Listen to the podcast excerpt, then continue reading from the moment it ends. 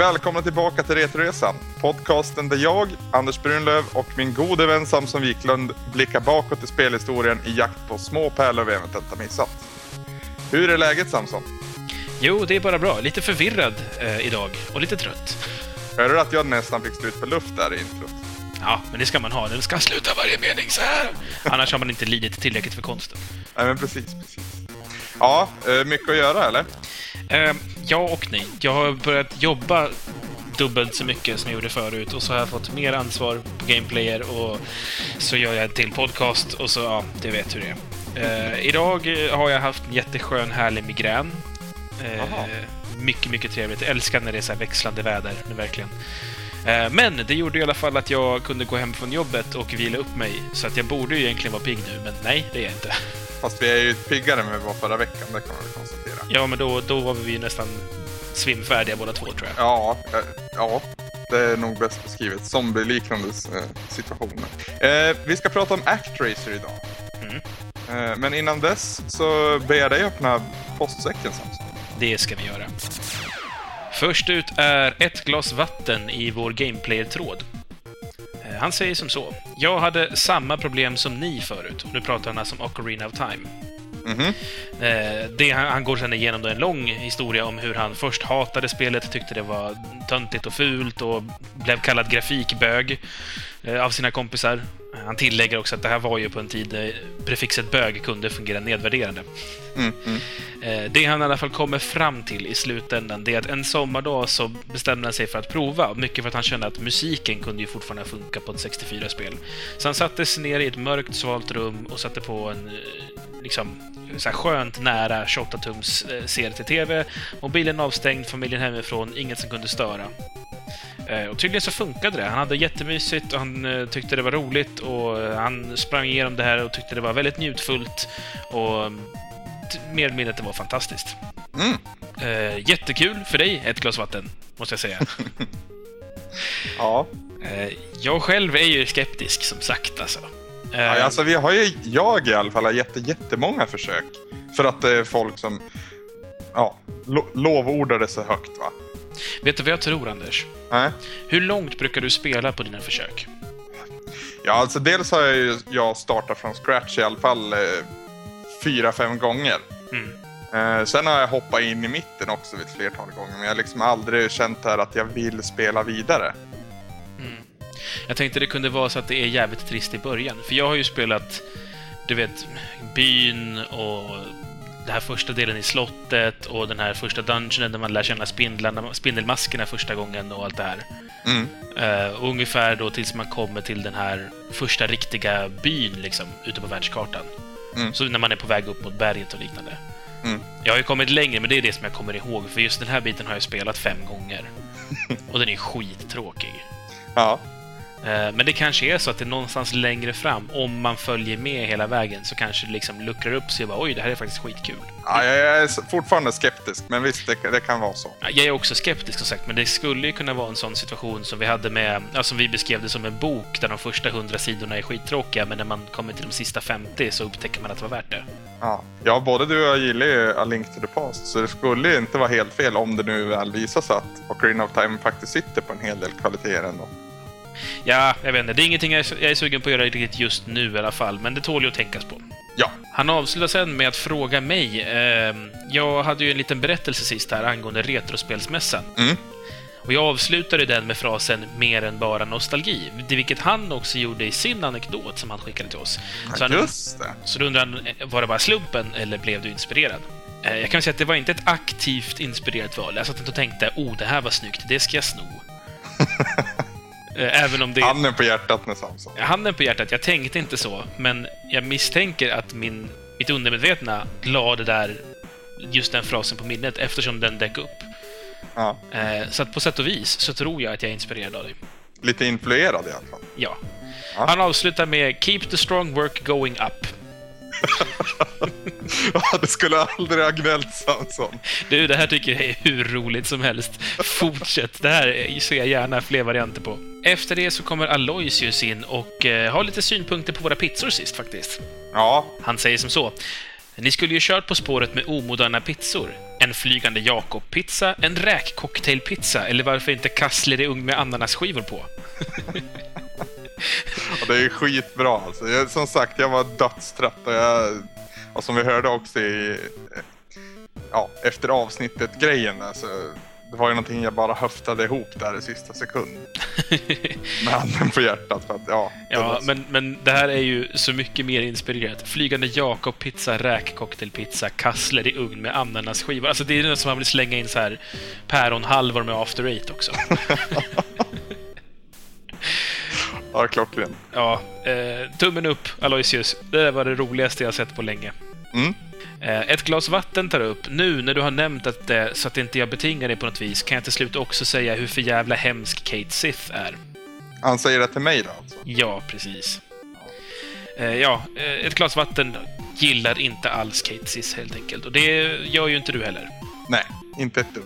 Jag fick eh, anledningar nog i förra veckans sorgstund. Vi kommer komma in mer på han den här veckan faktiskt. Ett glas vatten fortsätter också berätta att han tvångsmässigt flyttar ner Kate Siths eh, lilla, det här lilla, vad heter det? Porträttet på honom på karaktärsskärmen ner, längst ner till höger. Så att han ska, det ska synas att han är den som man minst angelägen om att ta. Ja, det är charmigt. Eh, Nidde Gbg, som har skaffat ett Gameplayer-konto. Ja, bra gjort. Trevligt, trevligt. Eh, han säger som så. Jag kände precis samma sak när jag var där. Nej du din backstabber, du får stå på reservlistan och göra ingenting. Ingenting ska du ha. Ingen EQ, ingen materia, ingen XP, ingenting! Hör du det? Ja, det är fler än jag som, som känner hat mot han alltså. Alltså jag måste säga så här. Första gången jag spelade spelet, jag har ju klarat ett otal gånger. Ja, Första varvet så blev jag skitförbannad på honom för att han stabbade mig på det här sättet. Mm. Andra varvet så visste jag ju om vad han var för sorts filur. Mm. Så då hade jag inte lika stort problem med honom. Plus att först, andra varvet så döpte jag ju om alla karaktärer till roligare namn. Och förstås så hette ju han Laban. För det är det bästa namnet som finns på en stor... Eller jag, jag ser ju mer den här stora vita dräkten än den lilla katten ovanpå. Mm. I och med att det inte är röster och liknande heller. Så jag tyckte ju att han såg ut som en jävla Laban. Så att, mm, Laban. Och det, jag har inte alls lika mycket hat som ni har till honom. Ja, kanske just för namnet då. Kanske det. På vår egen sajt så har det kommit ett gäng kommentarer också. Och först ut där är Peter. Och eh, han eh, lever upp, så att säga, på ett mycket snyggt sätt här. Keep going starkt and go on fighting the game of the förgångna. You rock fläskpannkaka and are so awesome. Det är vackert. Det är Ja, det, riktigt, riktigt det är ren poesi. Eh, En lyssnare som jag i alla fall inte har hört av förut, det är Kalle som säger underbart program. Jag håller också helt med andra när det gäller att Anders måste spela Chrono Trigger. Mm, mm, mm. Så det, det, nu har du ju fler på dig. Verkligen. Ja. Han avslutar med Keep up the good trying or die working. det här är blir världens trend. Det kommer bli våra nya slogan det här. Eller någon av dem i alla fall. Ja. Lefyrius tycker att vi inte ska göra ett hatavsnitt, som vi nämnde lite här sist då, angående just Zelda. Mm. Eh, han säger som så. Ni är som en perfekt balans mellan Happy Video Game Nerd och Angry Video Game Nerd. Om ni gör ett hatavsnitt så tippar vågen över. Mhm. Tål att tänkas på. Jag tänker lite yin yang Anna. Mm. Lefyrius eh, tar också upp då den här scenen som jag beskrev den som, det vill säga då Aris dödsscen i Final Fantasy 7 som du kom till sist. Mm, mm. Eh, och han säger som så. Scenen är något som förändrade i alla fall mitt sätt att se på spel. Dessutom tyckte jag att du berättade med en sån känsla att jag började gråta igen. Oj. Det är det sorgligaste jag någonsin har sett. Tänk att komma hela vägen till Aris och sedan se henne bli dödad. Ja, jo, det, jag varit lite tagen på sängen där att han började gråta. Jag kände inte... Alltså, jag vart ju berörd av, av stunden helt klart, men just i mitt berättande kände jag inte att jag förmedlade det riktigt bra. Tydligen Eh, gjorde du det. Ja, det, jag- det vart jag motbevisat nu. Det var ju jättekul att höra för min del. Jag var inte ett dugg inblandad, men jag tycker det är kul ändå. Peter kommer in och säger “Jag tycker ni ska göra en specialare som ni kallar för Framtidsresan. Då kan ni låtsas att ni spelat ett spel från framtiden och berätta om det, hur bra det är och vad för teknik och grafik som kommer finnas då. Det skulle bli helt häftigt, för då får ni i princip komma på ett helt eget spel och ni kan hitta på att man spelar genom att sväva i luften eller någonting. Helt häftigt skulle det bli, tycker jag. Det krävs en hel del planering för ett sånt avsnitt, va? En del. Sen så... eh, Alltså, vi måste också gå in på så här handen på hjärtat. Retroresan lever och dör på spelen vi spelar. För även om jag gillar dig väldigt mycket, Anders, och jag hoppas att du gillar mig, så att bara dig och mig som personligheter vet jag inte om det håller för ett helt avsnitt. Om det här blir spelet kommer ju fläckas av enbart våra personligheter, så det blir alltså bara en kom och häng med Samson och Anders. Då tycker jag Fast samtidigt så är Bollnäs-avsnittet ett av våra mest populära avsnitt, så du säger ju emot dig själv lite nu. Ja, kanske. Jag vet inte. Jag, jag, jag, tror att det är någon, kanske någon jantelag som säger att jag inte... Ja, jag vill flagga för att jag, jag tror inte du och jag är så pass intressanta, egentligen. Ett litet specialavsnitt i Bollnäs när vi sitter och dricker sprit och har trevligt är väl okej. Mm. Men ja, jag vet inte. Då kanske hellre i så fall att vi, vi skulle kunna mötas upp någonstans eh, på någon kommande retromässa kanske liknande. Att vi säger att Retroresan finns på plats om ni vill komma och umgås och kanske dricka någon öl eller två tillsammans, så kom dit. Mm. För det är väl ungefär samma upplevelse, bara för att man... Fast då slipper ni den dåliga ljudkvaliteten och musiken och liknande. Precis, så får de ju faktiskt ta på oss. Dig i alla fall. Oldgast säger härligt avsnitt och kul att ni inte sågade Dynamo Ocarina of Time. Tack även för tips om kontroll. Keep the keeping of going strong going. Den sista kommentaren jag ska ta upp idag, den är från vår Facebook-sida. Och där skriver Mikael Niddenidelius “Jag tar full cred för recensionerna som rasat in”. Och det ska han nog göra, för det har verkligen rasat in Ja, recensioner. verkligen. Skitroligt, måste jag säga. Ja. Eh, Det är tre stycken då som jag tänker ta upp nu. Och det först ut är Moonblight som säger “Alltid trevligt och underhållande och ger oss full pott”. Tack så mycket.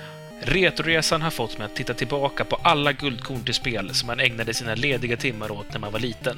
Har nog aldrig köpt så många NES och SNES-spel som nu.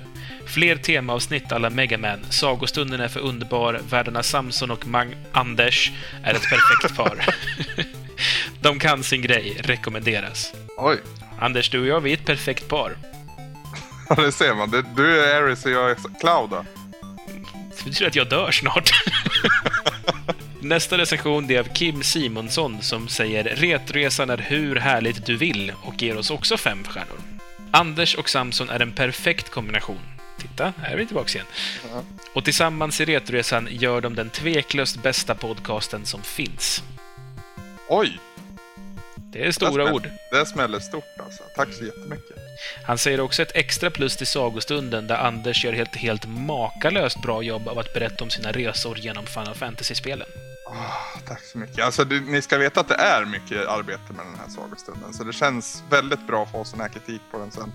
För det, dels ska jag ju spela då. Det är ju det som är den roliga biten. Men det jobbiga kommer ju liksom en eller två dagar innan inspelning när jag inser att jag måste dokumentera allt också. Det här, det här är varför man spelar med penna och papper bredvid sig. Ja men du, om jag skrev ner allting med penna och papper. För det första så skriver jag skitsakta med penna och papper. Jämfört med... Stödord, Anders. Stödord. Nej, nej. Jag ska, jag ska inte klaga. Det enda jag behöver göra är att sitta tillbaka och svara på några frågor, i princip. Den eh, tredje och sista recensionen jag ska ta upp idag, det är ett glas vatten som säger mysiga, ärliga och intelligenta. Och vi får också full pott. Anders, det, det här är så bra det här. Vi kan väl sluta med det här avsnittet nu. nu liksom, behövs det inte mer. Blir inte bättre än så här. Ha det gött, hej! Hur som helst i alla fall. Ett glas vatten säger som så. De två programledarna är duktiga på att prata och har ett bra samspel med varandra. Om du som läser sedan länge haft ett intresse för tv-spel så kommer du ha mycket gemensamt med dem och uppleva deras diskussioner in som intressanta och innehållsrika.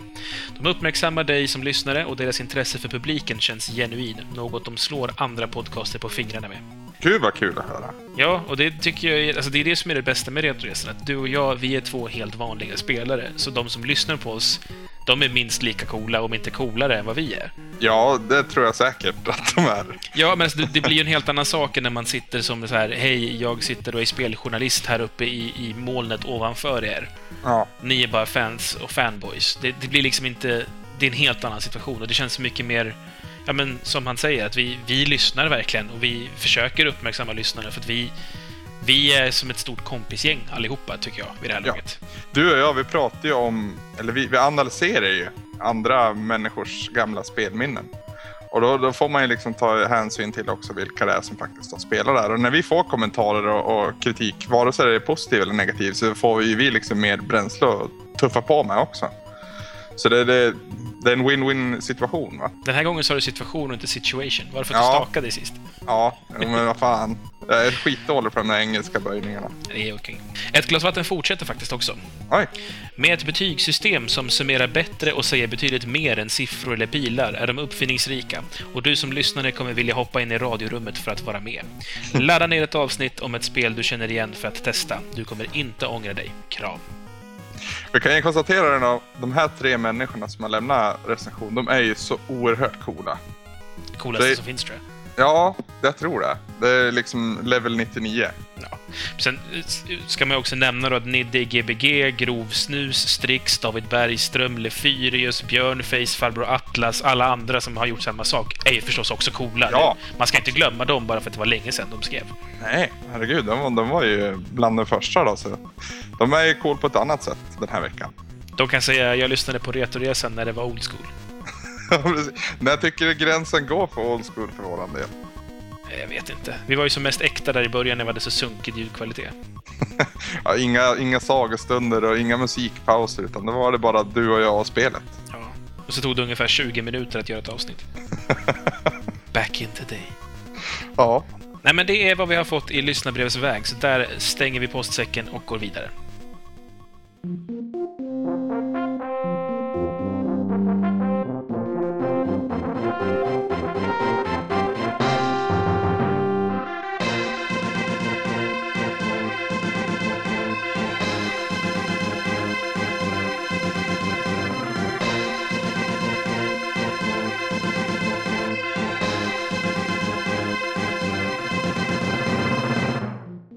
Till detta avsnitt har vi då spelat Actracer till Super Nintendo. Och eh, det här spelet är utvecklat av en spelstudio som då kallades för Quintet. Och det är väl de som bland annat ligger bakom det ständigt efterfrågade Terranigma va? Det har du nog alldeles rätt i. Jag har inte dubbelkollat i och för sig, jag törs inte riktigt svara ja, men jag tror det i alla fall. Ja, nej men jag har för mig det. Jag använder som sagt Wikipedia för all min info så skyll på Wikipedia om det inte stämmer.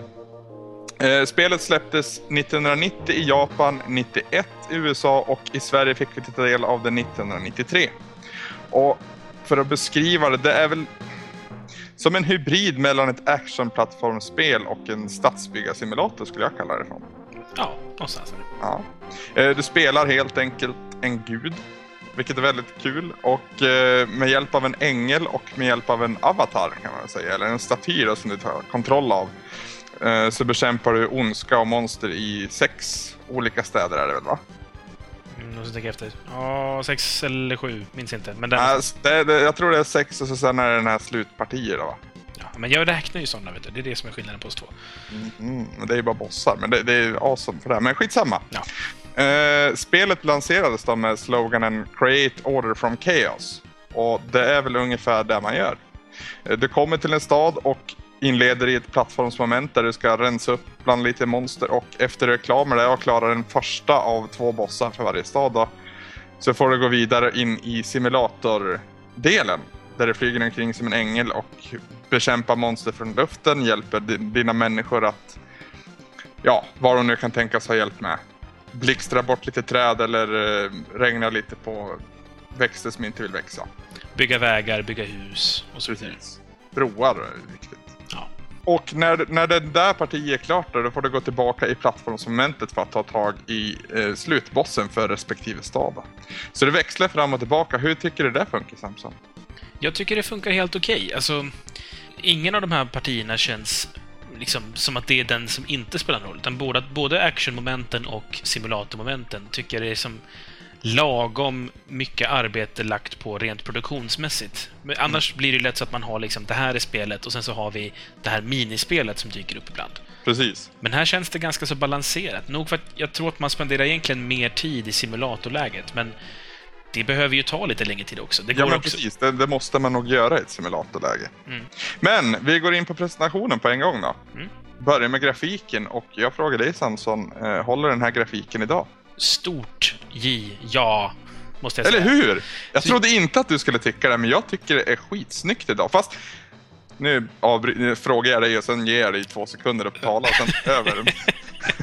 men det, det bubblar i mig just angående det här, för det är som sagt ett gammalt spel för vara Super Nintendo. Det, och det syns. Men det har åldrats med sån jäkla värdighet för deras färgval och deras design på allting är så gedigen, tycker jag. Den robust och gedigen och ordentlig. Jag varit jätteglad. Det, den enda lilla detaljen jag skulle kunna påpeka om den, det är att den ibland kan kännas lite basic. Ja, Eh, Men det är mer liksom eh, designbeslutet som är basic, mer än, än den, liksom grafiken i sig. men precis. Det känns lite Final Fantasy 4 över det. Ja, till exempel posen som eh, när han har då när han är i den här riddarrustningen. Det, han är, står liksom väldigt stelt så här. Det är inte jättemjukt. eh, han har liksom ingen idle pose eller sådana saker. Fast han är ju samtidigt en staty. Så det, jag, tycker, jag förlåter det. Ja, det kan man i och för sig också göra. Eh, Men jag tycker att det är riktigt, riktigt fina bakgrunder. Spritesen är jätteläckra. Och så såna små detaljer som att det liksom... Det är visserligen platt, men det är ändå inte helt liksom... Som Lost Vikings så är det verkligen helt jätte, jätte, jätteplatt. Du ser inget djup överhuvudtaget på någonting. Man försöker inte ens ge illusionen av att det är ett rum man är, utan det är verkligen ett tvådimensionellt plan bara. Här får du ju känslan när du går in i till exempel något gammalt spökaktigt slott eller en skog, att det är faktiskt en skog bakom det också. Mm. Eh, Och det tycker jag, alltså, det är inte alltid det ser så här jättevackert ut i alla lägen, men de förmedlar alltid rätt känsla i varje läge, tycker jag. Ja, absolut. Eh, det kommer till den här ön till exempel och då har du det här eh, tropiska träsket kan man väl kalla det. Mm. Och det är liksom klockrent. Alltså, tar man ut det ur, ur eh, sammanhanget ser det ut som vilken bana som helst. Eller vilken plattforms actionbana som helst. Men just att de har den vid det här tillfället och att den världen du sen får styra över ser ut som den gör och är belägen där den är. Det liksom visar på en enorm fingertoppskänsla tycker jag. Simulatorläget är ju inte riktigt lika vackert, men å andra sidan, det ju, behöver ju egentligen mest bara vara tydligt här. Ja, Och det är inte fult, långt ifrån. Nej, det är Eh. liksom, det är liksom ja, basic. Det säger det det behöver säga. Det jag gillar, det är att alltså, själva människorna man ser här, de är ju pytte, pytte, pyttesmå. Det kan inte vara särskilt många pixlar höga. Det är ju lämmingsnivå på dem, i princip. Mm. Men jag tycker att ändå lyckas man uttrycka vad de här menar. När de liksom ilar fram, eller när de... Jag vet inte om du använder dig av dem när du skulle ha sönder liksom bona som fienderna kommer ut ur. Jo, varenda bo egentligen. När de gör den här lilla ritualen där de liksom går ihop i en cirkel, klingar sina svärd och sen backar ut och sen så dör ju boet efter det. Ja, Det säger så mycket med så enkla medel och det är liksom jättesmart gjort av, av Quintet och Konami som, som liksom listar ut att så här, men du, det här kanske inte behöver vara så jävla snyggt, men det behöver vara tydligt vilken känsla vi vill förmedla och det funkar ju klockrent. Finns det något annat sätt att ta itu med de där bona? Alltså vid, vid ett tillfälle så får man, hittar man ju ett objekt, eller man får ju en, en gåva från människorna. Mm. Och det objektet använder man då för att ta bort det sista boet. Det är väl på Bloodpool-världen, andra världen där. Eh, men finns det andra sätt att ta itu med de här, när vi säger bon, det är alltså eh, små hål som monster kommer upp ur och terroriserar din stad. Ja, alltså det du kan göra, du kan, om du åker fram till den så kan du få upp liksom statusen. Där står det hur många som är kvar där inne. Ja, ja, ja, så att det tar faktiskt slut på dem. Ja. Eh, grejen är att de här siffrorna, det är inte så här typ, det finns fem. Eller det finns tio, utan det är så här, det finns 160. Ja, ja, men då kan, ja. Ja, eh, jag testade på en. Det var helt i onödan, kan jag säga. Ja. Det var ingen större skillnad, bara att det tog slut. För det går ju rätt fort ändå, den här stadsbyggardelen. Ja, alltså det var, jag var lite nervös, för jag kände att så här, okej, nu ändrar vi tempo här. Ja, Eh, och precis i början då är det ju jätteenkelt. Och liksom, vad är det, man har två bon kanske, som, som spottar ut sig sån här eh, fladdermöss.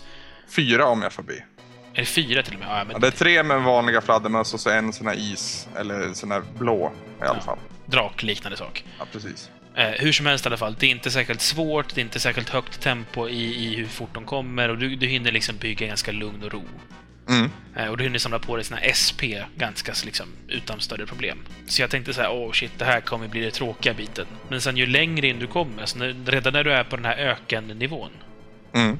Eh, Tredje är det va? Ja, man behöver inte ta dem i ordning egentligen. Huvudsaken är att du har levlat tillräckligt högt då.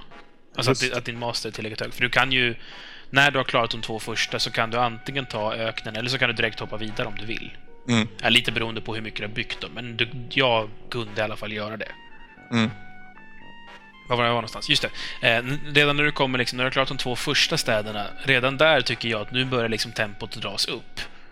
Så efter, vad är det, Bloodpool tror jag den heter, den andra. Mm. Efter den så, så är det liksom, det är hetsigt det här stadsbyggandet. Det är inte något så här lugnt SimCity, liksom klick, klick, gå och ta en kopp kaffe, utan det är verkligen fullt ös. Och det är väldigt tillfredsställande framför allt. För det, det, vissa monster är drygare än andra. Och när man väl lyckas spika igen liksom det där monstrets håla så är det ju, det känns ju jäkligt skönt. Man får lite sinnesfrid. Och så blir man glad för människorna som blir så glad. Och sen under presentation Samson så finns det också musik, tack och lov. Och det är absolut inte sämre där, tycker jag. Nej, jag är beredd att hålla med. Eh, det är ju samma snubbe som vi nämnde som har gjort Streets of Rage, bland annat. Ja, hur det går till, vet du, det förstår jag inte. För det är verkligen dag och natt för min del. Ja, eh, jag tror att, som vi nämnde då, eh, kvantitet framför kvalitet, vilket gör att det blir väldigt hit and miss. Ja, men här är det verkligen hit, tycker jag. Ja, jag med. Det blandas då, det här klassiska, eller klassiska säger jag, men stadsbyggar trudelutten där. Du, du, du. Eh, den sätter ju sig alltså. Eh, och den, det kan ju vara för att den inte är så lång och upprepas om och om igen också. Ja, jag blir inte trött på den. Det är det som är det konstiga. Eh, och så sen den här bombastiska och, och hektiska musiken som finns på plattformsmomenten. Eh, när, det, när det är lite action. Det, åh, vad perfekt, tycker jag. Och den, ny, ny musik när det kommer in en boss och det är liksom samma sak där. Det hörs att det är gammalt. Eh, det går ju liksom inte upp jämt emot de bästa spåren i Final Fantasy 6 eller liknande, men eh, just musikaliska aspekten tycker jag är klockren. Jag håller med dig. Eh, det, det, det, funkar. Det funkar så jävla bra alltihopa på något vis. Ja, vi får medhåll här faktiskt, Anders. Det, Nidde i Gbg tycker mer eller mindre lite samma sak. Mm -hmm. Han säger eh, grafiken, välgjord och stilren, musiken, välskriven och episk. Ljudeffekterna, visserligen kanske arkadiga och, och så, men, men fortfarande liksom väldigt välfungerande. Mm. Jag tror att det liksom är enhållet här. Att eh, det är jävligt bra presenterat, det här spelet. Förvånansvärt bra, framförallt med tanke på hur tidigt det kom. Ja, eh, som ljudeffekter tog han ju upp. När man slår med sitt svärd så är det ju bara ett HÖ! hela tiden. Och, men det tar inte plats va? Och det, det blir aldrig nagel i öga för att dels är musiken i bakgrunden så jäkla bra. Och liksom tar nästan huvudrollen i de partierna. Och, och sen så... Det gör... Alltså, fan vad bra det är. det jag gillar framförallt just med det där ljudet du nämnde här, det är att det finns en punch i ljudet också. Aha. Det är inte någon sån här, du vet, Sega Mega där wow, wow. Utan det är verkligen... Du känner att den, den där tog liksom. Ja, precis. Det, ja, det funkar, som sagt. Ja. Jag säger samma sak om och om igen, men, men allting funkar faktiskt jävligt bra. Något som också funkar tycker jag, det är just tempoväxlingar. Vi går in lite på gameplay här. Och, eh, de här två olika delarna av spelet, simulator och plattform, de växlas ju om vartannat som vi, som vi sa tidigare. Och det gör ju också att tempoväxlingarna i spelet blir utsökta, för att använda ett nytt ord. ja men eh, du, du får din, din action och så sen liksom, skulle det bara vara den här plattformsbiten som jag förstått hela tvåan består av. Det finns en uppföljare på det här som jag inte har spelat, inte du heller misstänker jag. Nej. Nej. Och där är det här simulatorbiten borttaget. Jag tror inte att det skulle vara lika njutbart då faktiskt. Alltså då skulle man ju, dels skulle det vara ett annat spel. Det skulle inte kännas som Actracer. Nog för att det säkert skulle funka som ett eget liksom plattforms hack and slash. Men det som gör Actracer till någonting utöver det vanliga är ju just att det är en kombination av de här två och att det funkar... Gud, vad jag säger funkar för mycket. Att det är så bra ihop. Mm. Uh, Nidde säger uh, att spela Actracer var som att spela många spel i ett. Först var det shooter-delen i, i, samarbete med den oerhört simpla SimCity-varianten och sen så kom man in på sidskrollande plattformsspelet och, som slogs ihop med ett hack and slash och beat em up. Alla dessa mashups innehöll tillräckligt bra bitar från sina respektive genrer för att resultatet skulle bli bra utan att vara överväldigande och plottrigt. Mm. Och jag tror inte jag kan formulera det mycket bättre själv. Det, det, det känns dels, som du har nämnt, tempoväxlingarna gör väldigt mycket, men sen också att det faktiskt är någonting helt annat att göra. Mm. Äh, för menar, hur många gånger har du inte byggt en stad i SimCity och tänkt fan, kan jag inte få ner på gatnivå och bara gå omkring här, så här, du vet, GTA-style och få känna på mig? stad? Det finns säkert i nyare SimCity-spel, jag vet ni har inte rört dem på ganska många år. Mm. Och på samma sätt så har jag, säkert, har jag känt flera gånger när jag spelar ett eh, sidskrollande spel som är en väldigt vacker miljö att åh, jag skulle vilja dra ut kameran och se hela liksom, området. Mm. Om du är med mig. Så att, här, här får du ju faktiskt göra det. Alltså, du får alla de här olika momenten. Sen kanske shooter-delen rent tekniskt, alltså när man flyger runt själv då och försvarar sin stad, kanske inte superduper spännande. Hitboxen är väl inte helt perfekt och så vidare, men, men det är inte heller fokuset. Fokuset är ju liksom strategin och byggandet. Mm. När vi ändå inte är inne på gameplay då så kan vi ta upp kontrollen och eh, där tycker jag väl att det finns utrymme för förbättring. Oh, trots ja. allt. det är inget perfekt spel, det ska vi ju inte sticka under stol med. Det finns ju brister också såklart. Ja.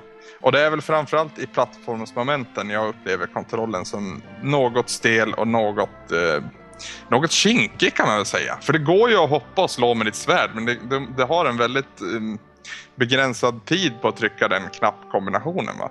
Annars så blir det bara att det hoppar. Mm. Jag tror att det är något sånt här, när man liksom har nått kulmen av hoppbågen, så att säga. Det är då det inte går att slå längre. Precis. Och så länge man är på väg upp, då kan du få in det. Men det är inte alltid man hinner tänka på det, liksom. Nej. Och samma sak när du ska hoppa, säg eh, zigzag uppåt. Alltså det här gör ju ingenting egentligen. Men ibland då när du ska, om du säger att du hoppar från, från höger till vänster och sen ska hoppa från vänster till höger. Så är han fortfarande vänd åt samma håll. När han hoppar liksom bakåt med ansikte vänd åt det andra hållet. Det hände mig flera gånger och de gånger jag inte hade en fiende med bakom mig. När jag kom upp på den plattform jag skulle till, då gick det ju hur bra som helst. Då såg det nästan lite coolt ut. Men det var ju gånger då han inte riktigt betedde sig som jag ville. Mm, Ja, men han vänder sig ju inte direkt, som Mario till exempel gör, utan det tar ju någon sekund. Ja, precis. Sen upptäckte jag en grej som jag vet inte om det är en glitch eller inte. Men när du slår med ditt svärd, Ja. typ den första millisekunden av den animationen är du odödlig. Aha. Så vilket jag upptäckte på sista bossen, faktiskt. När jag stod och bankade honom i ansiktet, och så, eh, alltså i första fasen. Och så skulle han Ja. skicka iväg sina... att Nu hoppar jag väldigt långt fram här, men han skulle skjuta ett, ett skott, kan man då säga. Och skottet, jag stod liksom mitt i banan, men jag lyckades slå med svärdet precis i samma ögonblick som den här skottet skulle gå igenom mig, så jag blev, fick, tog ingen skada alls. Men eh, det, i det partiet kan väl du skjuta med, med ditt svärd själv också? Va? Jo, det kan du också göra. Jag eh, tänkte bara att så här, Du vill visst. vara lite mer macho alltså? Ja, plus att du vet ju jag är. Jag måste ju prova mig fram och se alla, så här, vad är den ultimata taktiken här. Så jag tänkte att ja, det kan vara värt att se om det finns någon förbättring eller någon, någon anledning att göra det på det här sättet. Och det finns det ju, uppenbarligen. Mm, mm. Men alltså, ja, som sagt, det finns utrymme för förbättring i kontrollen, men jag tycker inte att den tar... Den blir inte en plåga anden ändå på något vis. Det händer ju att det tar skada ibland, men det är rätt så snällt spel, för det, det finns gott om power-ups och under de gånger det börjar bli svårt i plattformsmomenten så, så har du redan byggt upp din level så pass högt, eller jag hade gjort det i alla fall. Så att det gjorde inte så mycket om du förlorade halva livet. Det som finns då, det är ju framförallt när man är på banor där det finns liksom ställen man kan ramla ner i. Ja, För precis, precis som i Castlevania då, så varje gång du får en smäll så skjuts det också bakåt lite. Mm. Och det är ju lätt hänt. Att man får sig en smäll och ramlar rakt ner i en avgrund och det finns ingenting du kan göra, eller kunde ha gjort då, för, förutom att inte bli träffad förstås då. Mm. Eh, och det känns ju lite snålt ibland. Och det känns som ett så här, gud vad irriterande att det här händer överhuvudtaget. Mm, det var ett parti där jag skulle hoppa mellan olika eh, plattformar. Mm. Och eh, det var några flygfan där, jag kommer inte ihåg exakt vilka det var. Men och då uppstod det här problemet också med att slå i luften så att säga. Så där, där var det en hel del huvudvärk, men det var ett väldigt kort parti och andra, tredje försöket där någonstans så tog jag det. Mm. Så det, det små eh, stunder av huvudvärk finns. Jag hade lite problem med att bedöma exakt hur långt avstånd jag kan hoppa. Mm. Eh, Jag tänker framförallt på, tror att det är andra stadens slutboss. Eh, Så är man inne i någon slags slott av något slag. Mm. Mm. Och liksom, då, då är det mycket just så här att man har en sån schaktkorridor, så att säga. Att man ska liksom Metroid-style hoppa sig upp på plattformar. Precis. Och jag tyckte flera gånger att men kan jag verkligen nå hela vägen bort hit? Ja. Eh, Så jag, jag tyckte det var liksom svårt att bedöma. Det kändes inte som att hoppet var så högt som det egentligen var på något vis. Det är någonting med, med hoppanimationen, tror jag, som inte liksom är, eller hoppfysiken snarare, som inte känns helt okej. Och jag tror att det är det som är liksom roten till allt, alla våra klagomål egentligen på det här med hoppen och i kontrollen så stort. Och förutom det här med att han inte riktigt vänder sig om, för det, det kan bli väldigt irriterande. Mm. Eh, så det känns som att det är där eh, som, som vi har liksom roten till allt ont. Det lilla onda som finns, så att säga. Ja, jag hade inte de problemen du beskriver nu, men det, det, det är som du säger samtidigt, det är svårt. Och många gånger är det liksom ett leap of faith, så att säga. Att det här borde jag ju klara, så jag, jag gör ett försök. Nio gånger av tio så går det ju också bra. Förstår du vad jag menar? Ja, kanske för dig. ja, men jag är inte så rädd att dö som du är. Det är skam. Ja, det är också en intressant grej att efter varje plattformsmoment så, så nollställs dina liv och, och, och ditt, eh, inte din hälsa. Det. För den är, den är genomgående i båda spellägena. Men för varje bana du inleder så har du i alla fall tre liv. Varje plattformsmoment. Mm. Och det är också inte världens mest unika sak, men det underlättar ju. Och skulle det vara så att du dör tre gånger på, på ett plattformsbana, då får du återvända till ditt Sky Palace, eller ja, ditt, ditt palats i himlen då så att säga, och försöka igen bara. Det är intressant, det känns lite, framförallt för tiden, eh, unikt tänkande bakom. Och då kan vi gå in då på en gång på utmaning kontra livslängd och hur pass svårt och hur pass länge man faktiskt kan spela det här spelet. Och då måste jag ju fråga dig Samson eftersom du är den du är. Eh, maxar du ut varenda stad? Ja. varför är jag inte förvånad? en stor anledning till varför jag orkade göra det är för att dels så går det... Det tar inte så jättelång tid att maxa ut sin stad. Nej. Och det blir inte... Det, det, blir ju svårare, men det blir ju framförallt roligare ju svårare det blir i det här läget. Precis. Alltså den här stressen av att du måste liksom hinna skjuta undan alla fiender och samtidigt så måste du släcka elden i stan och så måste du se till att det är vind på vindkraftverken och, och, ja, och så vidare. Mm. Så att det är ju liksom ett roligt rännande där. Det känns liksom inte långtråkigt eller segt. Just, alltså, och det blir aldrig så pass svårt att du liksom misslyckas, för du får alltid en ny chans.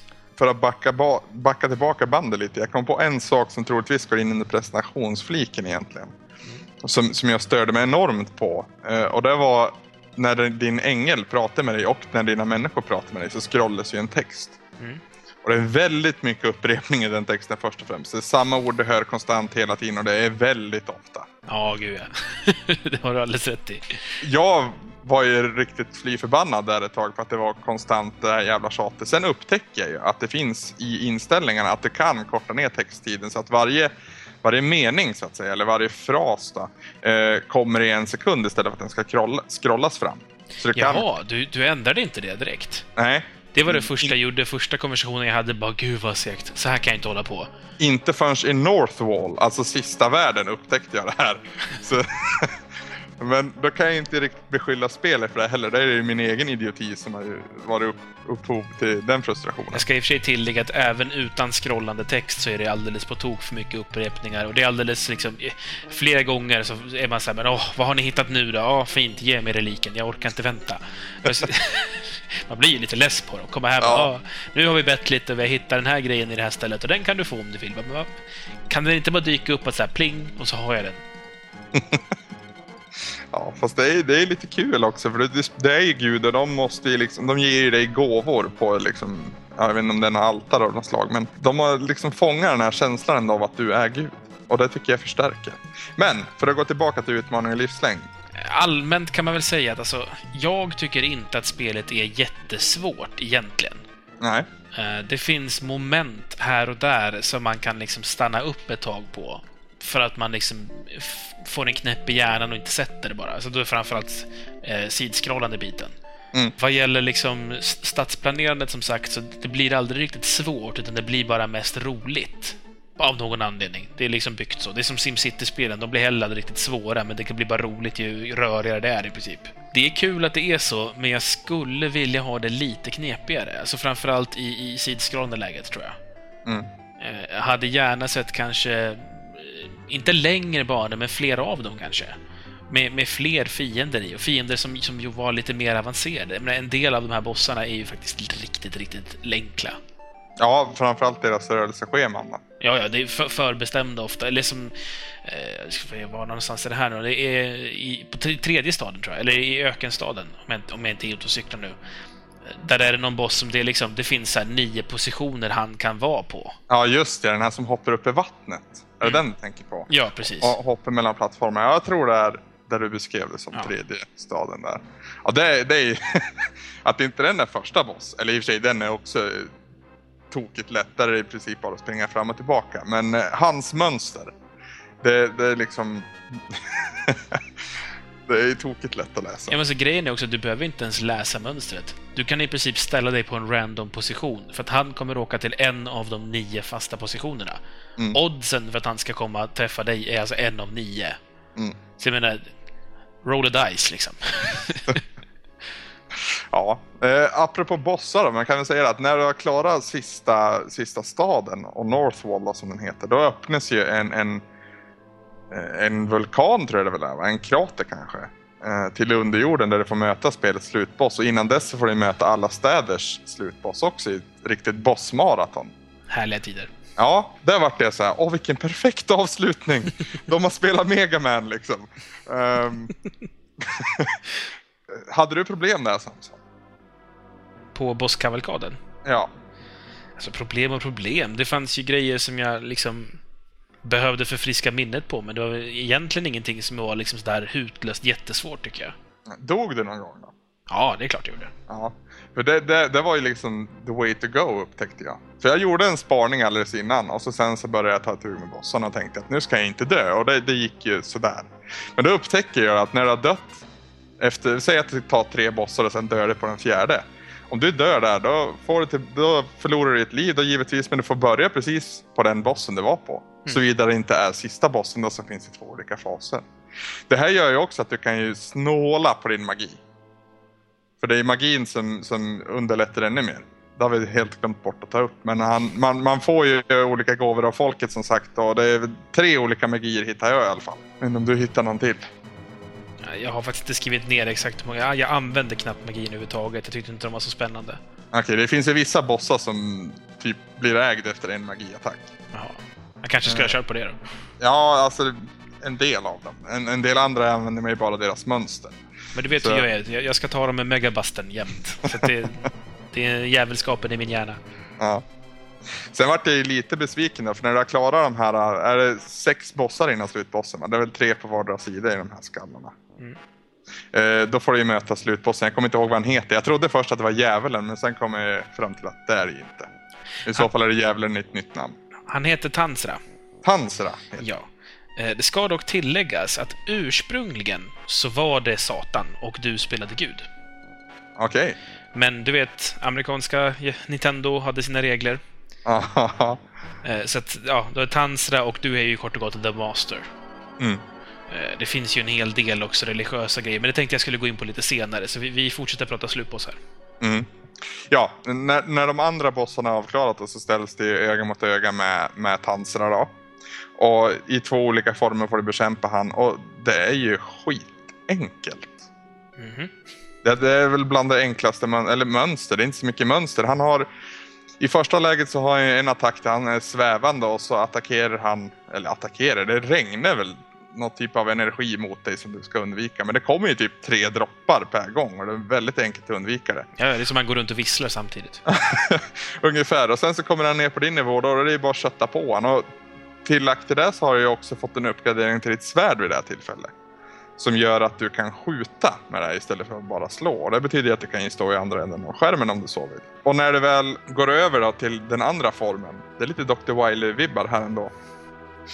Då blir det lite mer utmanande får jag väl lov att säga. Han har en weak spot då som är sårbar under en viss kort sekvens.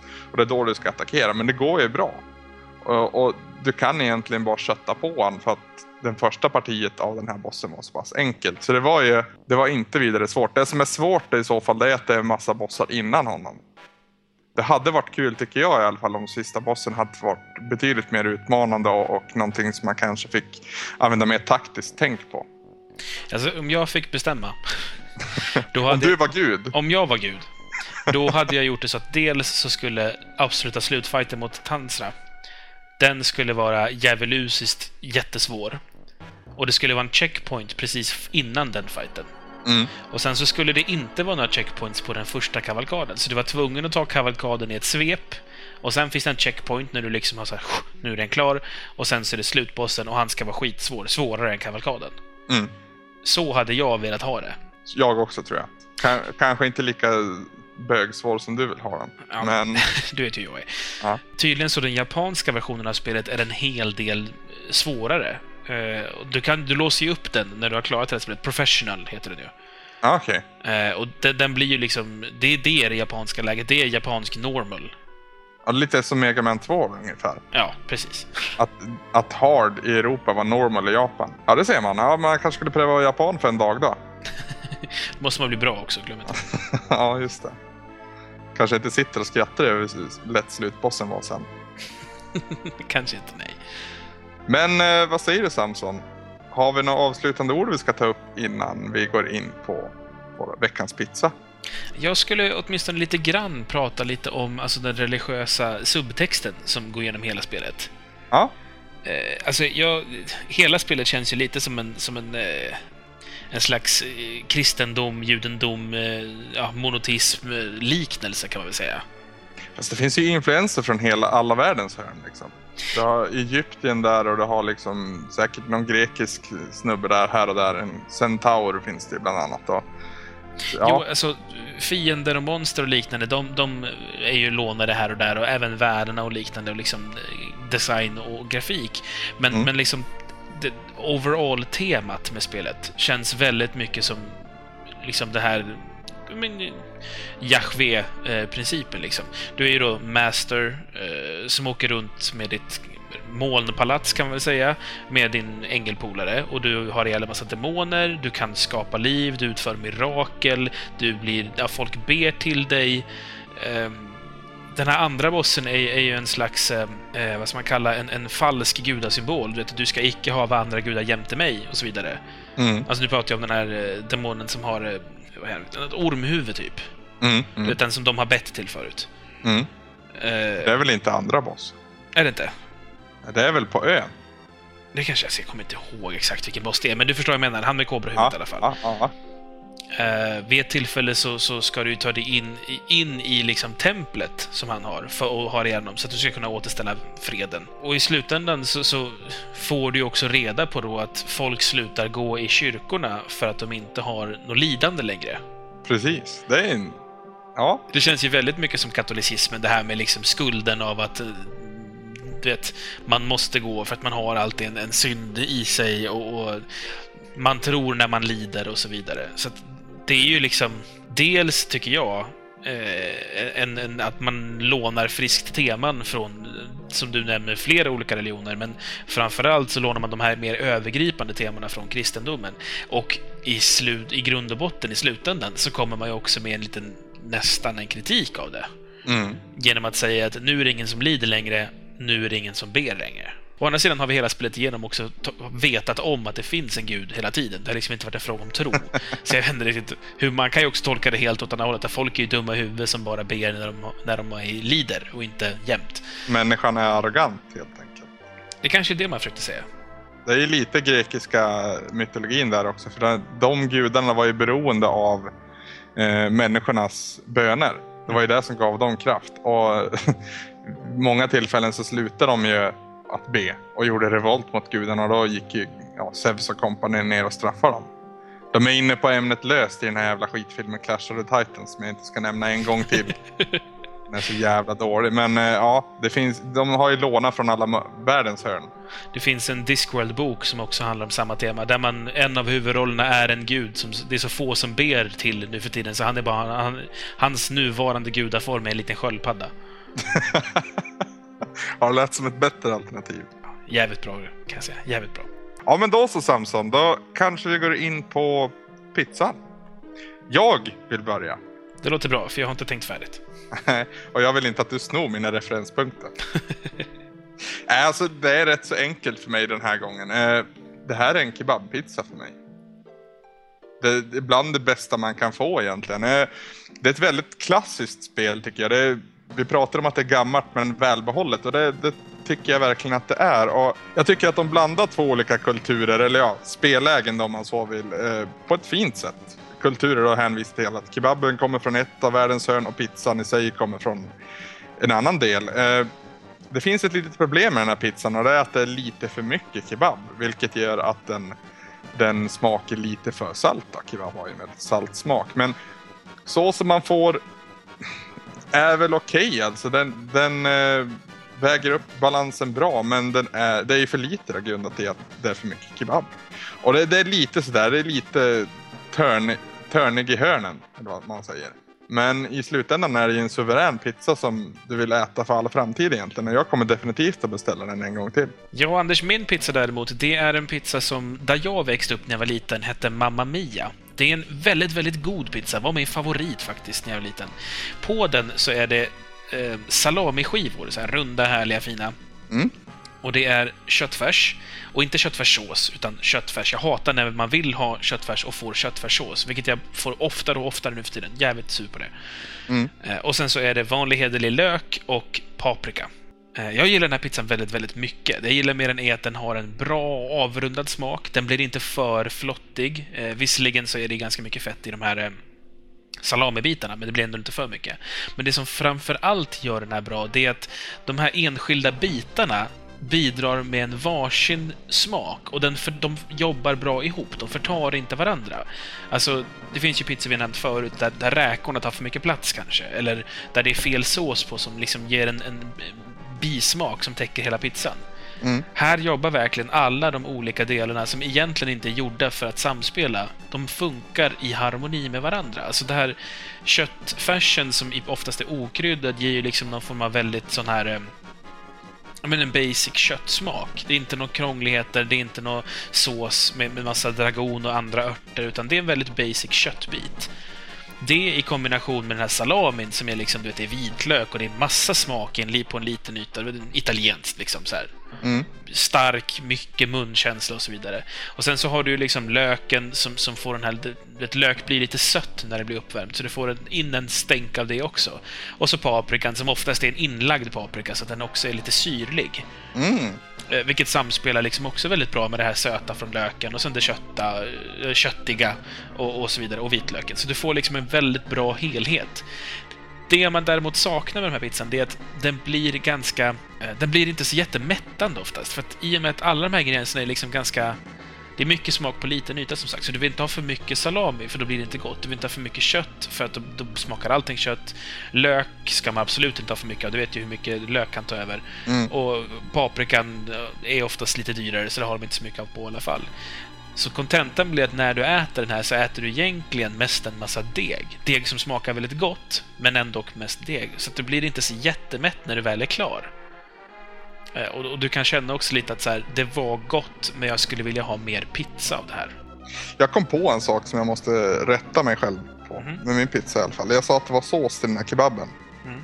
Det är ju tzatziki till den här kebaben naturligtvis. Bara för att vara med den. Ja, precis. Det var fin pizza Samson. Jag tror du, du drar ett strå vassare igen den här veckan. Ja. Ska vi ta och lyssna på lite musik? Det låter som en bra idé tycker jag. Denna veckas musikpaus tillägnar vi en kille som kallar sig Nullsleep. Eh, han hänger väl i samma klick som vår kära Bitshifter och eh, likt honom så hör han också till de här eh, 8-bit people. Nullsleep eller eh, Jeremiah Johnson som han egentligen heter har faktiskt varit med i Retroresan tidigare, då som bakgrundsmusik. Då. Den här veckan ska han få sträcka ut lite på sina vingar och eh, från hans EP Unconditional Acceleration hämtar vi ett spår som kallas Galaxy Tonight och det låter så här.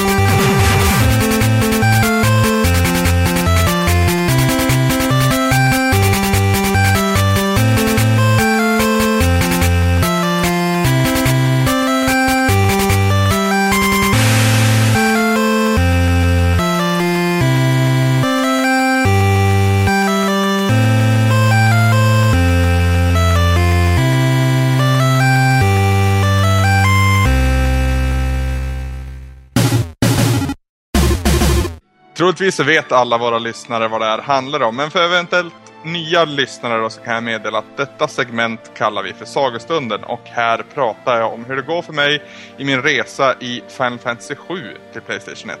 Och det här är alltså ett spel som jag spelar för första gången. Eh, senast vi hördes så hade jag precis förlorat Aris som vi tidigare tog upp. Och eh, det var en mycket känsloladdad och tragisk scen. Eh, Cloud har också börjat förstå att allt inte står riktigt rätt till med honom. Eh, men han är för det fast besluten att få tag i Sephiroth eh, när vi kommer in. Vi beger oss ut i de mest snöiga delarna av kartan längst i norr och eh, nästan, som på, nästan som på ditt kommando Samson så börjar jag ta en övningsrunda och pröva lite nya karaktärer. Eh, tillsammans med Cloud så får både Sid och Nanaki tillfälle att hävda sig själva och det här är någonting som de också gör väldigt bra. De visar sig vara väldigt duktiga kombatanter och eh, kompletterar mitt gäng väldigt, väldigt bra. Framförallt Sid måste jag säga. Nanaki har jag ju känt på tidigare, men eh, Sid var väldigt trevlig att ha att göra med. Jag gillar hur han tänder sin dynamitgubbe på sin sig. Precis, hans andra limit break. Eller det, det är ju en hans... Det är väl den andra han får i fas 1 kan man säga. Ja, precis. I en intilliggande stad då, som jag, jag tror den heter Icicle. Har jag rätt då? Oh, jag har ju typ bara... Det är så som man bara springer igenom, så jag kommer faktiskt inte ihåg vad den heter. Nej, alltså jag googlade lite på det här.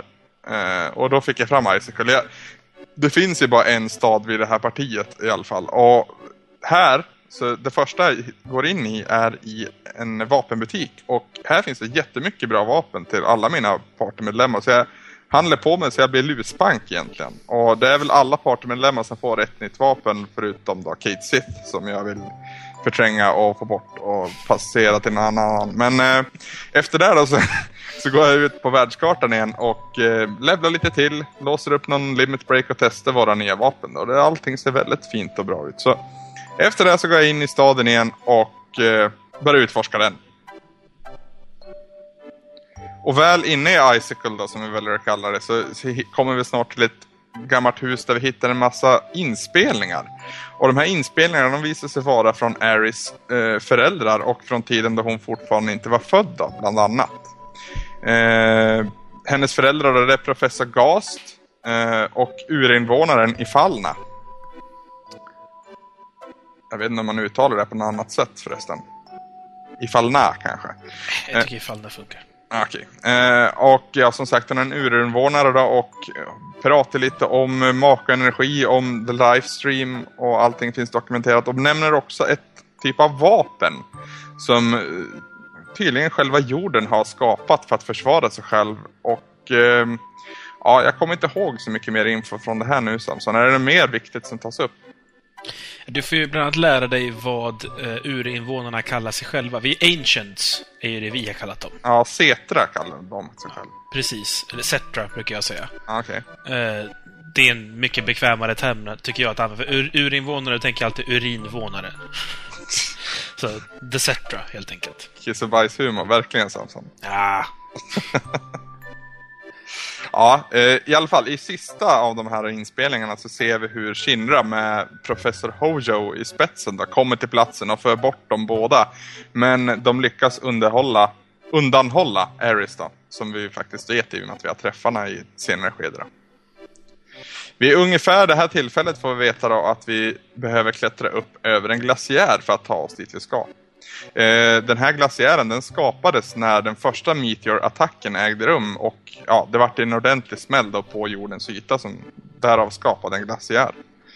Eh, när vi ska lämna den här byn så dyker Elena upp från The Turks och ger Cloud en ordentlig avhyvling. Eh, hon tror sig då att det var Cloud som gav säng på, på, på nöten tidigare där vi har Setra-templet. Eh, Cloud åker på en riktig knock och vaknar sedan upp i en av stugorna i, i byn. Och för att ta oss vidare därifrån så behöver vi två objekt. Vi behöver en karta och den hittar vi inne i en pub på en vägg där. Och vi, hit, och vi behöver också en snowboard. Som vi lyckligtvis får låna av en liten pojke som skadat sig själv under sin åkning. Eh, vi lämnar staden, vi beger oss utför med snowboarden på fötterna. Och det är alltså det här som är snowboard-minispelet i Final Fantasy 7 då. Och det är väl ingenting som jag riktigt bemästrade tycker jag. Jävlar vad svårt det var faktiskt. Det kräver lite träning, men eh, det finns ju i Gold Saucer nu när du har låst upp det. Ja, så det, jag kan åka och pröva hur många gånger jag vill. Ja, jag och eh, min vän som jag spelade med tillsammans, vi... Eh, tror vi, när, efter vi hade gjort det här då, åkte tillbaks till Gold Saucer så fort vi fick chansen. Och sen så spenderade vi nog... Alltså vi brukade spela på helgerna då, när man inte hade skola och liknande. Mm. tror att vi spenderade kanske tre av de helgerna bara på att nöta våra bästa tider. Vi tävlade förstås om vem som var bäst i snowboard. Vad har du för bästa tid då? Gud, det kommer jag inte ihåg. Det var alldeles för länge sedan. Eh, Men vi, eh, det finns ju fler varianter också. Här får du ju åka mest bara nerför tills du är klar. Ja. Eh, när du spelade i Gold Saucer, då har de ju lagt till lite fler modes och liknande, så det inte är exakt likadant. All right. Ja, eh, min tid ner var väl strax eh, under fyra minuter och det, det går ju definitivt att slipa på den tiden. Men, eh, Definitivt. men i slutet av den här backen som vi åker ner för då, så är det ju ett gigantiskt hopp eller ett stup så att säga. Och vi använder det här hoppet för att ta oss dit vi ska. Vi landar i någon typ av labyrint situation där. Och med kartan till hands då så ska vi försöka orientera oss ut från den här labyrinten och till krysset då på, på kartan. Och det tar ju sin tid men man hittar någon referenspunkt som man tycker kan likna det som är på kartan och så får man ju gå efter det här. Man sätter ut små markiser efter sig för att inte virra bort sig i allt snöväder som, som finns. Markiser? Ja men man markerar i alla fall. Vad säger man? markiser är väl sånt som man har på fönster? Du markerar. Ja. Du sätter ut markörer. Jag ber om ursäkt. Ja, Jag, jag blev mest bara förvånad. Jag tänkte om det var någonting jag inte visste om. jag tror inte att jag kommer sätta på någonting sånt faktiskt Samson. Det känns som att du har 100% av det här spelet.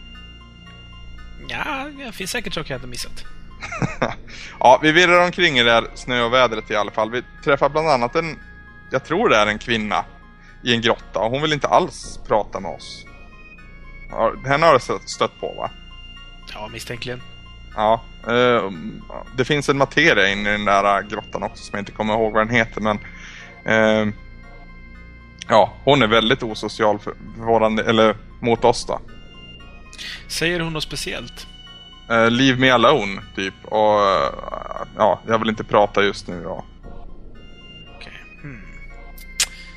Ja, jag vet att det, det finns vissa grottor som har ett jättelöjligt system att personen där inne bara bryr sig om dig om när du har ett visst eh, statistikvärde på så här, du har gjort den här saken så här många gånger. Aha. Ehm, nu minns jag inte om hon är en av dem eller inte. Men det är absolut inget viktigt i alla fall, så vi, vi kan lämna det där. Jag misstänkte det. Eh, det här ovädret som, som försiggår, det suger till slut musten ur oss och vi kollapsar. Och senare så vaknar vi upp i en liten stuga och där har en herre vid namn Holsoff eh, tagit hand om oss. Det är här han bor. Eh, han frågar ju då vad vi håller på med och när vi delar med oss av våran plan så börjar han berätta om hur han och hans före detta då, kompanjon vid ett flertal till, tillfällen har försökt ta sig upp för den här glaciären som vi nu ska bestiga. För dem har det inte gått så bra och det största problemet då, det är att man tappar så mycket kroppsdelar. Eh, han ger oss lite tips på hur vi ska gå tillväga och eh, nästa dag så beger vi oss ut för att ta oss upp. Och den här klättringen den sker i flera olika etapper. Mellan klättringarna får vi värma upp oss själva genom att ja, quick time events.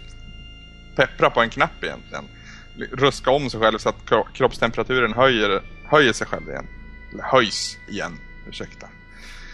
Eh, och det gäller ju att hålla den här kroppstemperaturen så hög som möjligt under hela klättringen. Så man, man går i omgångar hela tiden.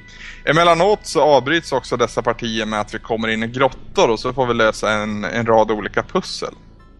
Till slut så når vi grottan högst upp och lite som en indikation på att någonting stort är på gång så, så kommer jag till en sparpunkt. Och jag sparar och jag vilar upp mig och sen så får jag också rätt i min intuition att det var någonting på gång för vi ställs mot en, eh, jag tror det är en drake. Något större monster i alla fall och det är riktigt tufft motstånd. När fighten är över så är det bara Cloud som står på benen då både Sid och Nanaki stryker med. Eh, vi healar upp oss, klättrar upp sedan för sista partiet av den här glaciären. Eh, när vi når toppen så ser vi då den här gigantiska krater som uppstod när meteoren slog ner för, jag tror det är hundratals år sedan va? Ja, precis, det stämmer. Vi följer en stig som leder till mitten av den här kratern och eh, här så insisterar Tifa på att få vara med i partyt igen. Eh, nya partyt som då bildas det är alltså Cloud, Tifa och så tar jag med Vincent. Han ligger högt i level och jag misstänker att jag kommer behöva han här. Eh, längs hela stigen ser vi de här mörka skuggfigurerna som vi stötte på tidigare. Och det här är vad jag har förstått kloner som eh, ja, söker sig till återföreningen som Sepro tidigare har pratat om. Mm. Under den här stigen då, eller längs den här stigen så faller de ner och dör ibland. Och jag vet inte riktigt vad som försiggår men jag kommer få svar på det. Eh, fokus skiftas sedan till ett luftskepp och vi ser hur Rufus, Hojo och Scarlet närmar sig platsen. De är ute efter den här höga makaenergi som, som finns på platsen då och eh, de tror att de har hittat The Promised Land. Makaenergi är ju någonting som Shinra livnär sig på. De ser ju bara stora dollartecken egentligen. Hojo dock, han nekar till det här påståendet eh, och eh, menar på att det här inte alls är The Promised Land. Men han är samtidigt väldigt nöjd med att få vara delaktig i den här återföreningen då, som tydligen pågår. Fokus skiftar tillbaka till våra hjältar och nu har de tagit sig in till mitten av kratern.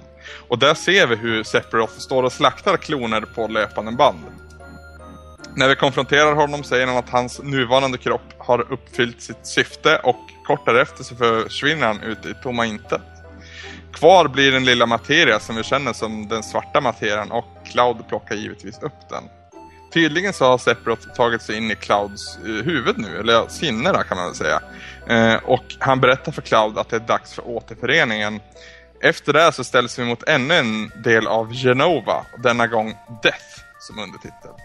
Och eh, den här delen hon biter jäkligt hårt alltså. Eh, jag använder i princip alla de summons som jag har tillgängliga. Jag har bland annat fått en ny Bahamut.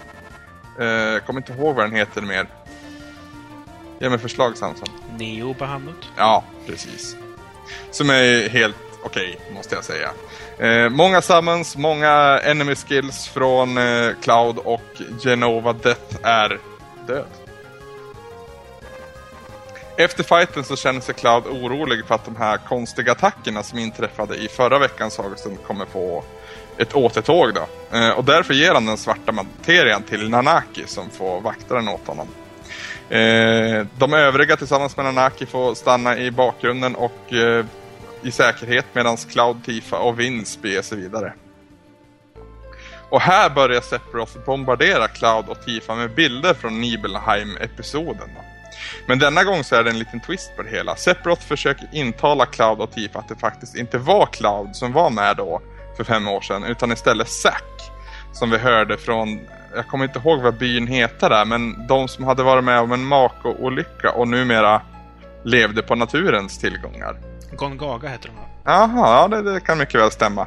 Det var väl eh, Sacks hem, hemby va? Och mm. man träffade deras föräldrar. Han hade anslutit sig till Soldier ungefär samtidigt som Cloud sägs ha gjort det. Då. Mm. Sephiroth då, han menar på att Cloud är en klon skapad av Hojo och att Cloud, Clouds minne endast är en illusion som, eh, ja, som är skapat av Genova. Då. För Cloud-klonen, säger Sephiroth, är eh, ett resultat av Genova och Mako-energi. Det är väldigt rörigt här men eh, Cloud han viftar bort de här anklagelserna men Tifa är inte riktigt lika säker. Hon kan faktiskt inte komma ihåg att hon träffade Cloud i Nibelheim där för fem år sedan. Eh, ja, Sephiroth kallar Cloud för ett misslyckat experiment och han är en klon skapad av Genova-celler och makaenergi som jag sa. Uh, och detta innebär också att hans riktiga jag är designat för att lyda Sephiroth och det här förklarar då varför han tidigare gav Sephiroth den här svarta materian och varför han har betett sig underligt på sista tiden. Cloud fortsätter påstå att Sephiroth ljuger, men när han försöker minnas varför han anslöt sig till Soldier så får han problem då hans minne visar sig vara helt blankt. Av ren utmattning så kollapsar han kort därefter. Spelet skiftar scen och vi ser hur Hojo och Rufus, som nu också närmar sig platsen, eh, Hojo försöker förklara för Rufus att det, in, det här inte är The Promised Land. Snart så känner det också en kraftig skakning i marken och mitt framför den så öppnas ett öga. Eh, det här ögat tillhör det här vapnet som vi nämnde tidigare då, och de står mitt emot det så att säga. Vid samma tillfälle ser vi också hur Sephiroth lurar Nanaki att följa honom längre in i grottan. Han tar formen då av, eh, av Cloud. Eh, och Cloud anländer sedan till grottan och försöker varna Rufus och de övriga och ber dem att ge sig av. Han frågar sedan Nanaki om han kan få, kan få den här svarta materian som han tidigare gav han. då, och tydligen så agerar Cloud helt åt Sephiroths vägnar just nu. Eh, och han ber faktiskt alla om ursäkt för det här. Hojo står i bakgrunden och ler lite i smyg för att hans experiment Cloud faktiskt har fungerat. Men han äcklas samtidigt över att det är just Cloud som har överlevt och inte de andra då Cloud då var ett misslyckat experiment. Och han har ju inte ens förtjänat en siffertatuering som Sephiroth tidigare har konstaterat. Alla andra kloner, inklusive Sephiroth, har ju en siffra intatuerad på sin arm. Cloud svävar sedan rakt upp i taket på den här grottan, mumlar någonting om att han hela tiden blivit kallad av Sephiroth och stoppar sedan in den svarta materian i en typ av kokong kan man väl säga.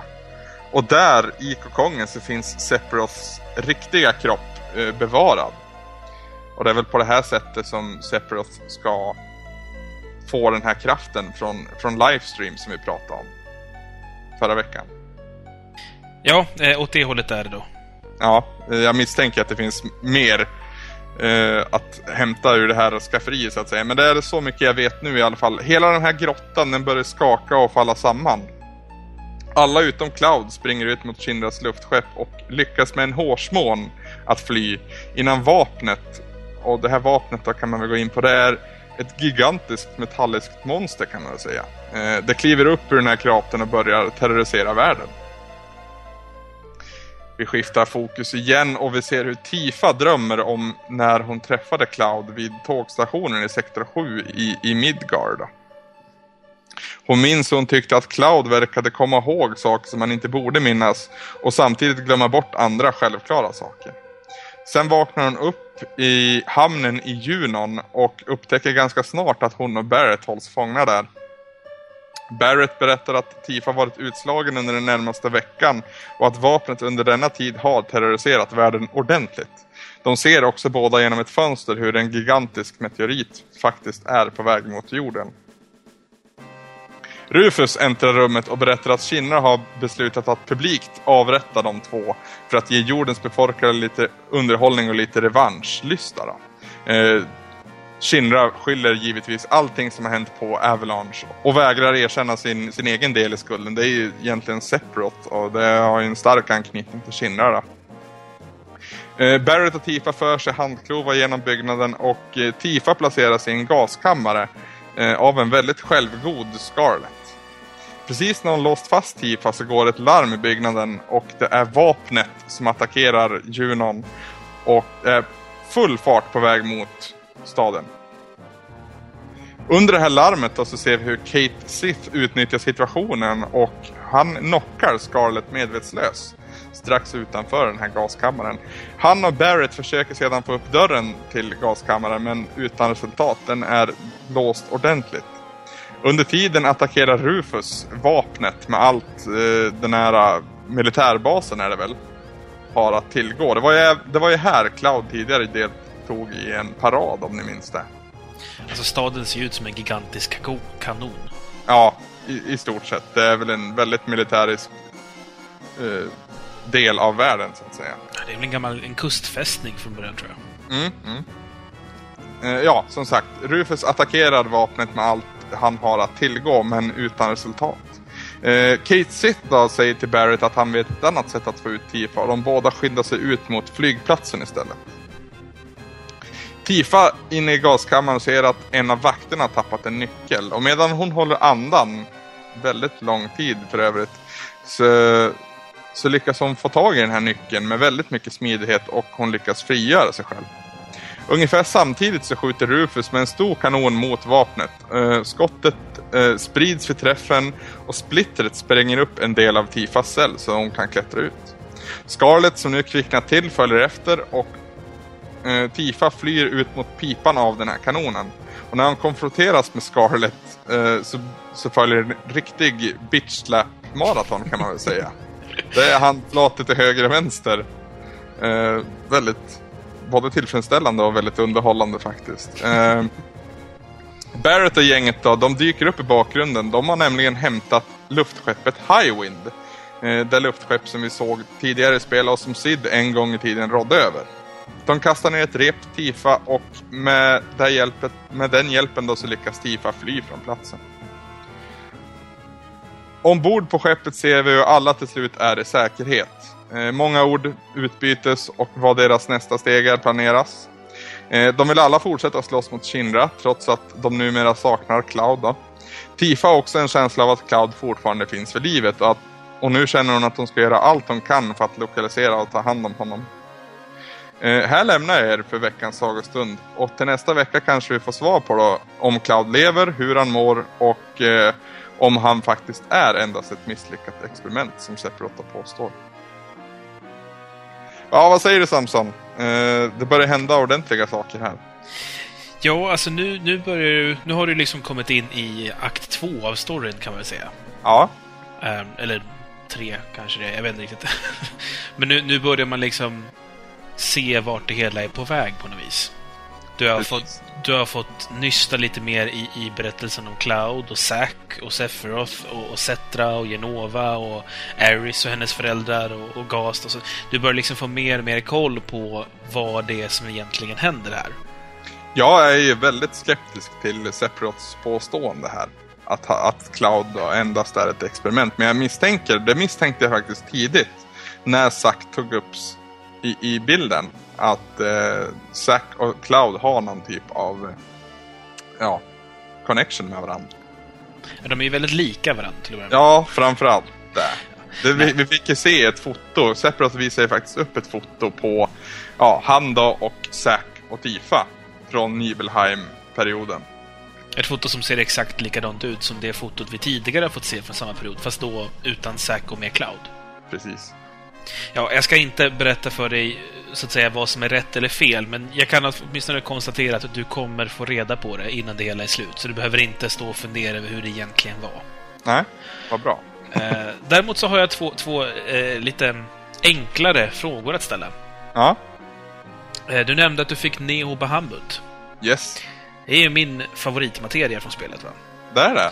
Eh, hur fet tycker du att den här lilla filmen är som dyker upp? Ja, den är, den är... Ja, de har tagit en ny tolkning av ordet episk, kan man säga. ja, det är alltså att marken som du står på lyfts upp. Den bryts loss och lyfts upp i luften. Där uppe möts den av en gigantisk röd drake som samlar in energi i, i typ fem minuter. och sen bara skjuter så hårt den bara kan rakt framåt. Så att den här markbiten som har ryckts loss, den fräts sönder. Mm. Och sen faller fienden tillbaka ner på marken igen. Mm. Eh, den är rätt tung alltså. Den är jäkligt tung. Det är väldigt tillfredsställande att få använda den. Jag har faktiskt bara använt den en gång. Och det var väl under den här Genova Death-fighten. Mm, okay. Ja, eh, det finns en till Bahamut, så kan jag nämna på en gång. Jag tror du har nämnt den faktiskt. Nej, I en tidigare episod av Sagostunden. Det kan jag ha gjort. För jag har för mig att in, jag har ju stött på Bahamut och Neo Bahamut. Men jag för mig att det var en tredje som du nämnde som var din favorit då. då. Ja, alltså egentligen så är det ju Bahamut-serien som grupp som jag gillar. Ja. Eh, de, de blir ju starkare ju, ju högre upp. Du har nummer ett och nummer två, och det finns en nummer tre. Okej.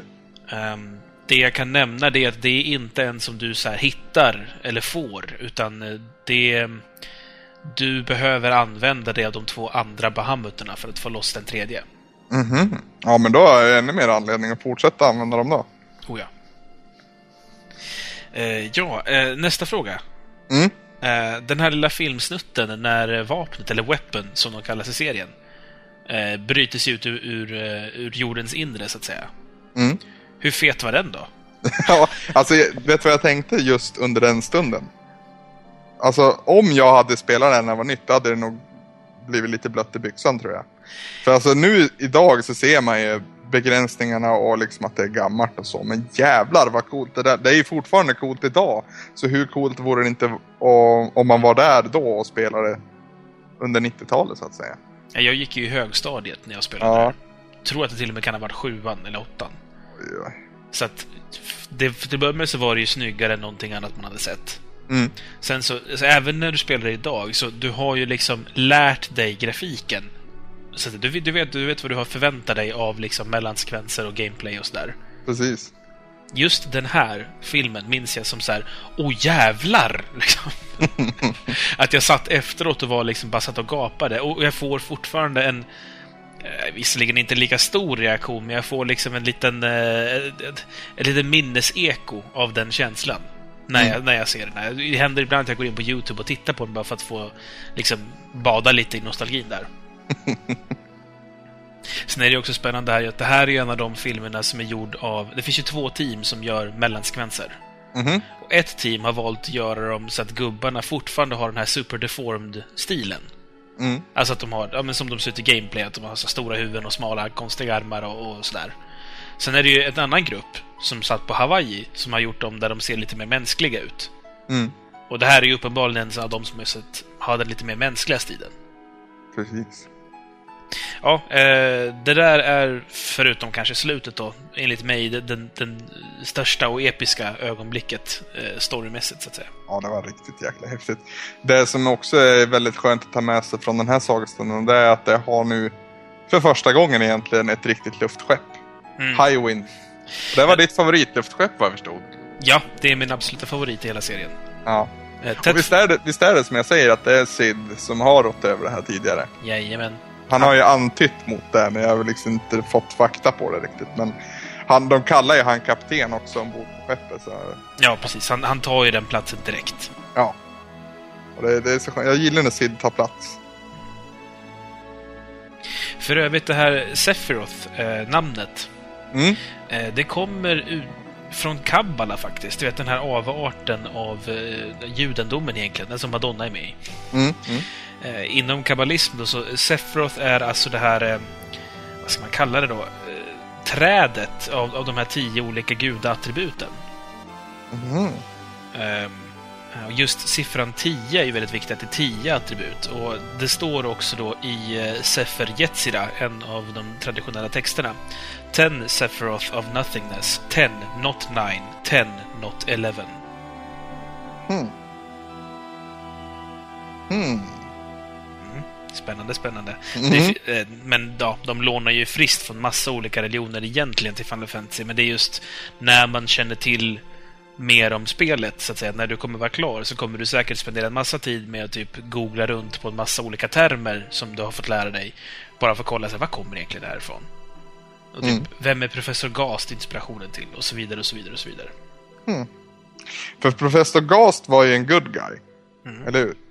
Eh, Medan Hojo, hans efterföljare, eh, är väl mer en bad guy. Man kan väl säga som så att Gast hade goda intentioner. Ja, fast han jobbade på fel sida om lagen. Lite som Sid i Final Fantasy 6. Ja, titta, nu fick jag med det igen. Nej, det är väldigt spännande tid nu Samson och jag känner den här dragningen som jag gjorde till tidigare delar ordentligt nu som jag saknar lite i Final Fantasy 7 i början här. Det här att man vill liksom se vad som är bortom kullen. Tidigare så tycker jag mest att irra omkring som en liten råtta i en labyrint i Final Fantasy 7 men nu har jag verkligen sträckt ut mig. Jag- Det, det är ju det att det tar ju ett tag innan man kommer in. Alltså det, det är ju egentligen minst lika sent, segt i både fyran och sexan. Ja, Men nu, nu hoppade du ju från slutet av sexan direkt in på början av sjuan. Precis. du får ju liksom, du har precis suttit och haft superepiskt där du har varit otroligt engagerad i alla karaktärer och all historia. Och så kommer det till något helt nytt, du vet inte riktigt, du är osäker på om du kommer gilla det eller inte och det finns alltid en diskussion om vilken är bäst, sexan eller sjuan och så vidare. precis. En del säger helt andra siffror också. Ja, nian hör jag ofta till exempel. Ja. Ja, ni, alltså för att gå lite off topic då. Jag har inte gjort det så mycket i den här, det här avsnittet än så länge. Eller det är, det är egentligen samma ämne det här också. Men nian, Mm. är inte det lite återgång till det klassiska Final Fantasy-temat med, med riddare och drakar och skit? Dels det, sen är det också en återgång rent eh, tekniskt, att säga hur, hur fighting-systemet och sånt funkar. Jaha, För sjuan så har du ju tagit ett ganska rejält kliv. Det finns ju inga jobb längre. Nej. Eh, Du är inte indelad i klasser, utan du får ju välja med hjälp av materia vem som ska vara vad. Precis. Eh, Och du kan Och det kan skifta hur mycket du vill. Det är det som jag inte riktigt har fått, eh, ja, fattat än så länge. Va? Mm. Alltså, jag säger inte som någonting negativt utan jag kanske utnyttjar det för lite snarare. I åttan så tar de ju steget ännu längre bort ifrån det här gamla systemet. Där har du ju inte MP längre ens en gång. Oj. Eh, Det är ett helt annat system och det finns ett system som påminner om materia. Det kallas för Junction-systemet då. Och där är det också så att det är ingen karaktär som har en speciell roll, utan du bestämmer vem som är vad. Mm. Och sen då när man gjorde nian och, åttan är också eh, ännu mer modern och, och framtid. Mycket, mycket mindre av riddare. Så folk, det är mycket mer att folk har så här trendiga, moderna kläder. För om man tänker efter så det är inte så mycket som påminner om Final Fantasy i Final Fantasy 7 när man väl börjar spela det va. Det, det är att, ja, en Chocobo finns det ju. Rätt så tidigt i, i spelet. Och, och, och Sid är med även om han är olik sig och så. Men jättemycket grejer som inte är så likt. Och jag förstår alltså. Jag, jag tror nog att många hade samma känsla som jag i, i de inledande delarna när de hade Final Fantasy 6 färskt i minnet och så. Fast i och för sig, då var 3D så jävla häftigt där inne. Så att då var de nog mest blown away av det. Dels det, dels så hade ju de väntat i några år. Ja, Eh, Du hoppade ju på direkt. De hade Ja, ju jag suttit och längtat eh, länge innan, så att säga. ja så hade de ju hypat upp eh, Sony också när de fick det där exklusivt. Så. Ja, det är nog lite annorlunda ändå. Men som sagt, jag gillar det jättemycket och jag ska fortsätta spela nästan på en gång när vi är klara idag. Men eh, vi, vi rullar vidare i programmet Svensson. Ja, Anders, det är en vecka nästa vecka också. Ja, precis. Eh, Då ska vi spela ett, ett, ett helt annat spel och den här gången är det det gamla NES-spelet Cobra Triangle. Single player-spel utvecklat av Rare. Du styr en båt och eh, om man får titta på framsidan så ska du spöa en jättestor eh, orm i vattnet. Loch Ness och djuret kanske. kan det nog vara också kanske. Ja. Ja. Fast Loch Ness och djuret ser snällare ut i och för sig.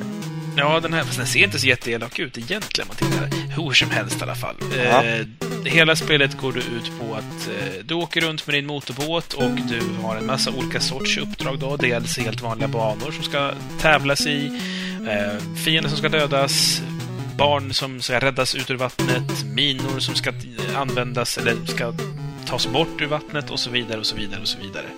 Mm. Eh, Det är utvecklat då, som jag nämnde då, av Rare, som alldeles innan det hade gjort Race Pro Am. Oh, det är ett spel som vi båda gillar. Mm. Och det här använder sig av samma motor faktiskt, så det finns många likheter rent kontrollmässigt och liknande då. Eh, Och vissa grafiska liknelser också förstås. Ja. Eh, ja, jag är inte helt säker på hur långt eller kort det här är. Jag har spelat det lite som barn, men det är väl i grund och botten 25 banor. Okej. Eh, och då räknar man med bonusbanorna, så att säga. Och då, det är då olika sorter då. De kommer i grupper om fem, så att säga, med olika uppdrag på varje. Okej. Eh, så det ska bli ganska spännande att se vad, vad vi kommer tycka om det här. Alltså, jag minns att jag har... Jag har fingrat på det som barn. Mm, jag har mest suttit och tittat på medan andra spelar. Och då har jag kanske sett totalt två banor va. Så det ska bli skönt att få sin egen uppfattning. Mm. Så det ska vi ta itu med. Spelet är då släppt på, som jag nämnde, då, NES och det kom till Europa 1989. Tyvärr finns det inte att tillgå på Virtual Console. Så ja, det är kassett som gäller vad jag förstår. Det ser ut som det är. Sen finns det ju metoder som vi inte ska prata högt om, som Nej. eh, vi inte specifikt kan rekommendera, men om det är svårt att få tag på en gammal kassett så, så finns det ju alternativ. Säger inte du någonting så säger inte vi någonting. Så är det ju. Sen om man, om man vill vara lite sån också, så jag menar, vill ni ha pengar så varsågod och släpp det på Virtual Console. Precis. Å andra sidan, Rare är ju numera Microsoft, så det kan vara problem där också förstås. Eh, kan väl också tillägga att det här är ett spel som en av våra lyssnare önskat. Eh, ingen mindre än farbror Atlas faktiskt, eller Andreas Ljungström då som han heter egentligen. Så vi tackar för tipset Andreas och vi hoppas att du gillar det avsnitt som blir av spelet. Innan vi avslutar, Anders, så vill jag eh, berätta om, om en eh, liten sak här faktiskt. Okej, Eh, Det är som så att jag har mycket mindre tid än vad jag har haft eh, just den här månaden. Mm. Eh, Så jag vill faktiskt förvarna lite om att i och med att jag inte är lika fri och ledig som jag brukar vara så är det lite knepigare för oss att hitta en lagom tid att spela in på. Mm. Det här innebär ju då att vi, ja, vi har ju som mått att alltid komma ut med avsnittet på fredagar. någonting som vi har haft lite problem med två tidigare veckor. Va? Precis, och det är ju just för mitt knepiga schema här då. Bland annat. Jag tror jag har varit lite delaktig också. Men ja, fortsätt. Kontentan av det hela i alla fall, det är att vi kommer alltid sikta på att finnas tillgängliga för er på fredagar. Men under åtminstone maj månad så kan det bli lite diffa. Att det kanske kommer på lördagen eller kanske söndagen. Någon enstaka vecka, kanske till och med måndagen veckan efter. Eh, det beror ju helt på så att säga när jag och Anders har tid att sätta oss ner och snacka. Eh, Mm. Så jag förvarnar om det redan nu då. att Det kommer vara lite fram och tillbaka med såna här saker. Kan väl se till att hålla koll på våran Twitter, för där brukar vi twittra ut hur det ser ut eh, för veckan så att säga. Mm. Och, och hur våran planering ser ut. Sen så har vi som alltid avsikt att få ut våra avsnitt istället för att ställa in dem. Vi hatar ju att ställa in avsnitt, så hellre att det kommer sent än att det inte kommer alls. Men då så Samson, då knyter vi ihop säcken där och så rundar vi av avsnittet. Eh, ni som lyssnar, om ni vill kommentera på det här avsnittet och eh, skriva ett par ord till oss så gör ni det enklast genom att gå till vår hemsida, retroresan.se. Eh, vi finns också på ett gäng olika forumtrådar, gameplay.se, loading.se och wearegamers.se. Eh, där kan ni gå in och debattera, tips om spel och så vidare. Eh, länkar till dem finns på vår hemsida också. Ni som är coola, ni prenumererar på denna podcast och det gör man via iTunes eller RSS. Länkar återigen på vår hemsida. Som jag sa, våran Twitter går att följa, det tycker jag att ni ska göra. Twitter.com retroresan. På Facebook finns vi också. Vi har där en, ja, vi är väl en publik person va? Eh, ni kan bli ett fan, ni kan diskutera, ni kan nätverka och ni får hemskt gärna bli min vän också. Samson också tror jag va? Ja, då, det går alldeles utmärkt. eh, sist men inte minst så kan man ju mejla till oss och det gör man på retoresan.save.se. Och som ni hörde i inledningen av det här avsnittet så blir vi ju så otroligt glada när vi får en iTunes-recension. Så om ni går in på iTunes någon dag så klicka er över till retoresan.se och skriv en recension om ni inte redan har gjort det. För det, det, det värmer våra hjärtan. Då tackar vi för idag. Eh, jag heter Anders. Jag heter Samson. Målet är ingenting. Resan är allt.